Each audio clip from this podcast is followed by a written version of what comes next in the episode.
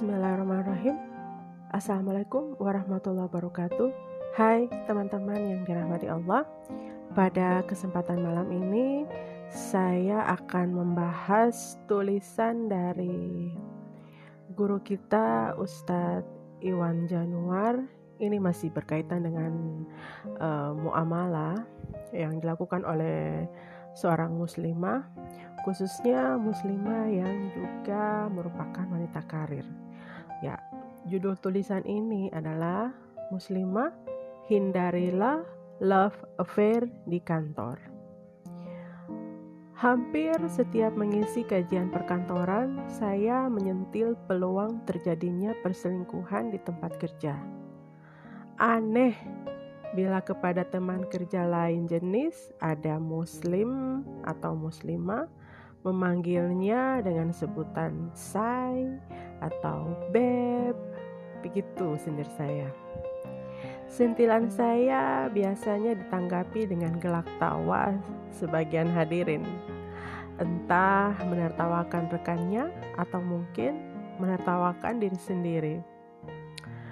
Affair di tempat kerja menjadi hal sering atau menjadi hal yang sangat lumrah terjadi mulai dari sekedar makan siang bersama sampai berujung pada perzinahan. Nauzubillah min zalik. Ngerinya lagi, banyak pelaku affair ini yang justru kecanduan. Alasannya jadi mirip pacaran zaman dulu, backstreet atau kucing-kuncingan.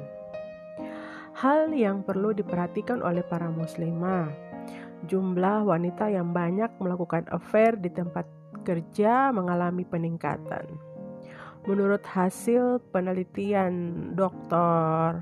Shirley Glass, seorang psikolog Amerika dan pakar soal perselingkuhan, perselingkuhan yang dilakukan kalangan istri justru meningkat secara signifikan dari 1982 sampai 1990 38% istri melakukan perselingkuhan dengan rekan kantor berbanding dengan 50% jumlah istri tidak setia dari tahun 1991 sampai 2000. Oh, Masya Allah, Subhanallah. Ada dua sebab utama mengapa perselingkuhan marak terjadi di tempat kerja. Yang pertama, pihak yang harus paling disalahkan dalam hal ini adalah diterapkannya sistem kehidupan kapitalisme. Ya, di alam yang berprinsip survival of the fifteenth dibumbui tipu daya kesetaraan gender kaum perempuan digiring, bahkan dipaksa untuk bekerja di luar rumah. Mereka menjadi lebih sering dan rutin dalam waktu lama atau hidup bersama. Lelaki bukan mahram di tempat kerja ketimbang bersama suami dan keluarga mereka. Dengan kondisi kerja penuh ikhtilat, terjadilah keintiman yang berujung pada perselingkuhan. Bagaimanapun juga, frekuensi kebersamaan membuat banyak pria dan wanita tergoda untuk melakukan affair di tempat kerja. Kemudian, yang kedua, sikap pria dan wanita pekerja yang membuka peluang terjadinya perselingkuhan. Karena lebih sering dan intens bertemu pria rekan satu kantor, rasa kebersamaan itu akhirnya terpupuk Apalagi bila kemudian para muslimah tidak memiliki sifat ifah, uh, menjaga harga diri. Tidak jarang ada muslimah yang senang bercanda dan dicandai pria rekan kerja. Terkadang candaan itu sudah mengarah pada jinsi atau erotis.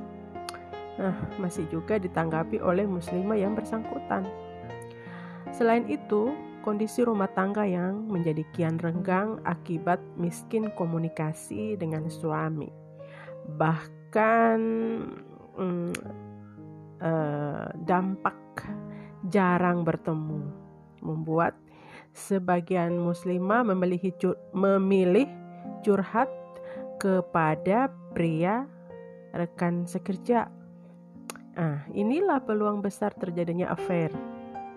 Dalam beberapa hal yang wajib dilakukan para muslimah agar terhindar dari skandal asmara di tempat kerja yaitu yang pertama, pahami bahwa hal itu adalah dosa meskipun banyak orang melakukannya dan menganggap hal itu biasa. Namun di hadapan Allah, affair itu adalah dosa. Bahkan itu sudah sejengkal lagi jaraknya dengan perbuatan zina.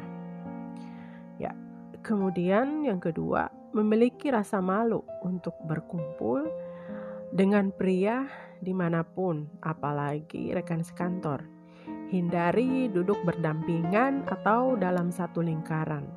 Carilah tempat duduk terpisah dari lingkungan atau dari lingkaran kaum pria Kemudian yang berikut, minimalisir interaksi dengan pria rekan sekerja. Lakukanlah sebatas keperluan kerja. Bila sudah selesai, maka tinggalkan. Hindari acara makan siang bersama, kecuali bila dalam rombongan. Jangan membiarkan hati uh, merasa senang, bercanda, atau dicandai oleh mereka. Kemudian, yang berikut, berholwat atau berduaan adalah momen berbahaya bagi munculnya love affair atau malah bisa menjadi peluang terjadinya pelecehan seksual di tempat kerja. Ya, kasus pelecehan seperti ini sudah sering terjadi akibat kondisi pria uh, dan wanita hanya berduaan. Kemudian yang berikut, jangan curhat kepada pria rekan kerja. Ya, Umumnya, kaum pria senang membantu wanita yang kesusahan. pria merasa gentle bila membantu wanita. Ini membuat mereka selalu terbuka untuk menjadi teman curhat. Padahal inilah salah satu pintu utama menuju love affair di tempat kerja. Lebih berisiko lagi bila Anda curhat urusan pribadi dan rumah tangga kepada rekan pria. Bila si pria itu sudah menaruh hati kepada Anda, bukan tidak mungkin ia akan memperdaya Anda untuk jatuh ke dalam perangkap love affair-nya. Ya, yang berikut Tunjukkan ketidaksukaan Anda bila ada rekan pria memanggil dengan sapaan say, babe, atau apa pun yang menunjukkan kemesraan. Sekalipun banyak orang menganggap hal ini lumrah. Sungguh ini adalah bagian dari zinah lisan dan pendengaran yang haram. Hmm, kemudian yang berikut, bila Anda sudah terlanjur terjebak pada love affair, maka bertobatlah. Minta pindah bagian agar tidak satu divisi lagi dengan rekan pria tersebut. Putuskan hubungan sebenar-benarnya. Ganti nomor HP, uh, eh, nomor kontak WhatsApp, atau nomor kontak lainnya. Artinya no contact at all. Ya. Dan yang terakhir uh, saran yang terakhir mungkin berat tapi mujarab. Ah. Apa itu? Ya, sarannya adalah berhentilah bekerja di tempat-tempat yang sudah jelas menjadi perangkap love affair bagi Anda ini jauh lebih baik dan terhormat di hadapan Allah ketimbang Anda kehilangan harga diri, keluarga, dan mendapat siksa darinya. Carilah pekerjaan lain yang aman, lebih menjaga kehormatan Anda. Nah, para muslimah, bila memang nafkah suami sudah cukup, buat apa Anda masih bekerja? Bekerja tidak wajib sama sekali bagi muslimah, karena mubah hukumnya. Ladang pahala dan kewajiban muslimah adalah mengurus keluarga dan berdakwah. Yakinlah kepada Allah dalam urusan rizki. Ia akan menciptakan, uh, maksud saya, ia yang menciptakan manusia. Ia juga yang menjamin kehidupan mereka. Sungguh, syaitan mempersiapkan banyak perangkap zina bagi anak-anak Adam. Semoga Allah melindungi kita semua khususnya para muslimah. Sebagaimana pesan Rasulullah kedua mata dapat berzina dan zina keduanya adalah melihat kedua telinga dapat berzina dan zina keduanya adalah mendengar lidah zinanya dengan berbicara tangan zinanya dengan menyentuh kaki zinanya dengan melangkah hati zinanya dengan berhasrat dan menginginkan dan kemaluan akan membenarkan atau mendustakannya. Hadis riwayat Muslim. Subhanallah. Jadi seperti itu ya, sobat muslimah.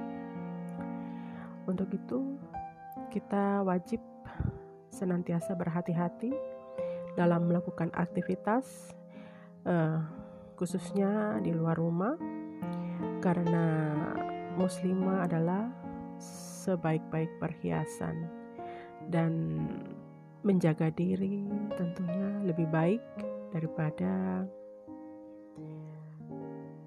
bergaul hingga terjerumus pada sesuatu yang sangat dilaknat oleh Allah Subhanahu wa taala. Demikian untuk podcast pada malam hari ini. Kita jumpa lagi pada keesokan harinya. Sekian saya undur diri dari pendengaran teman-teman semua. Bilahi taufik wal hidayah. Wassalamualaikum warahmatullahi wabarakatuh.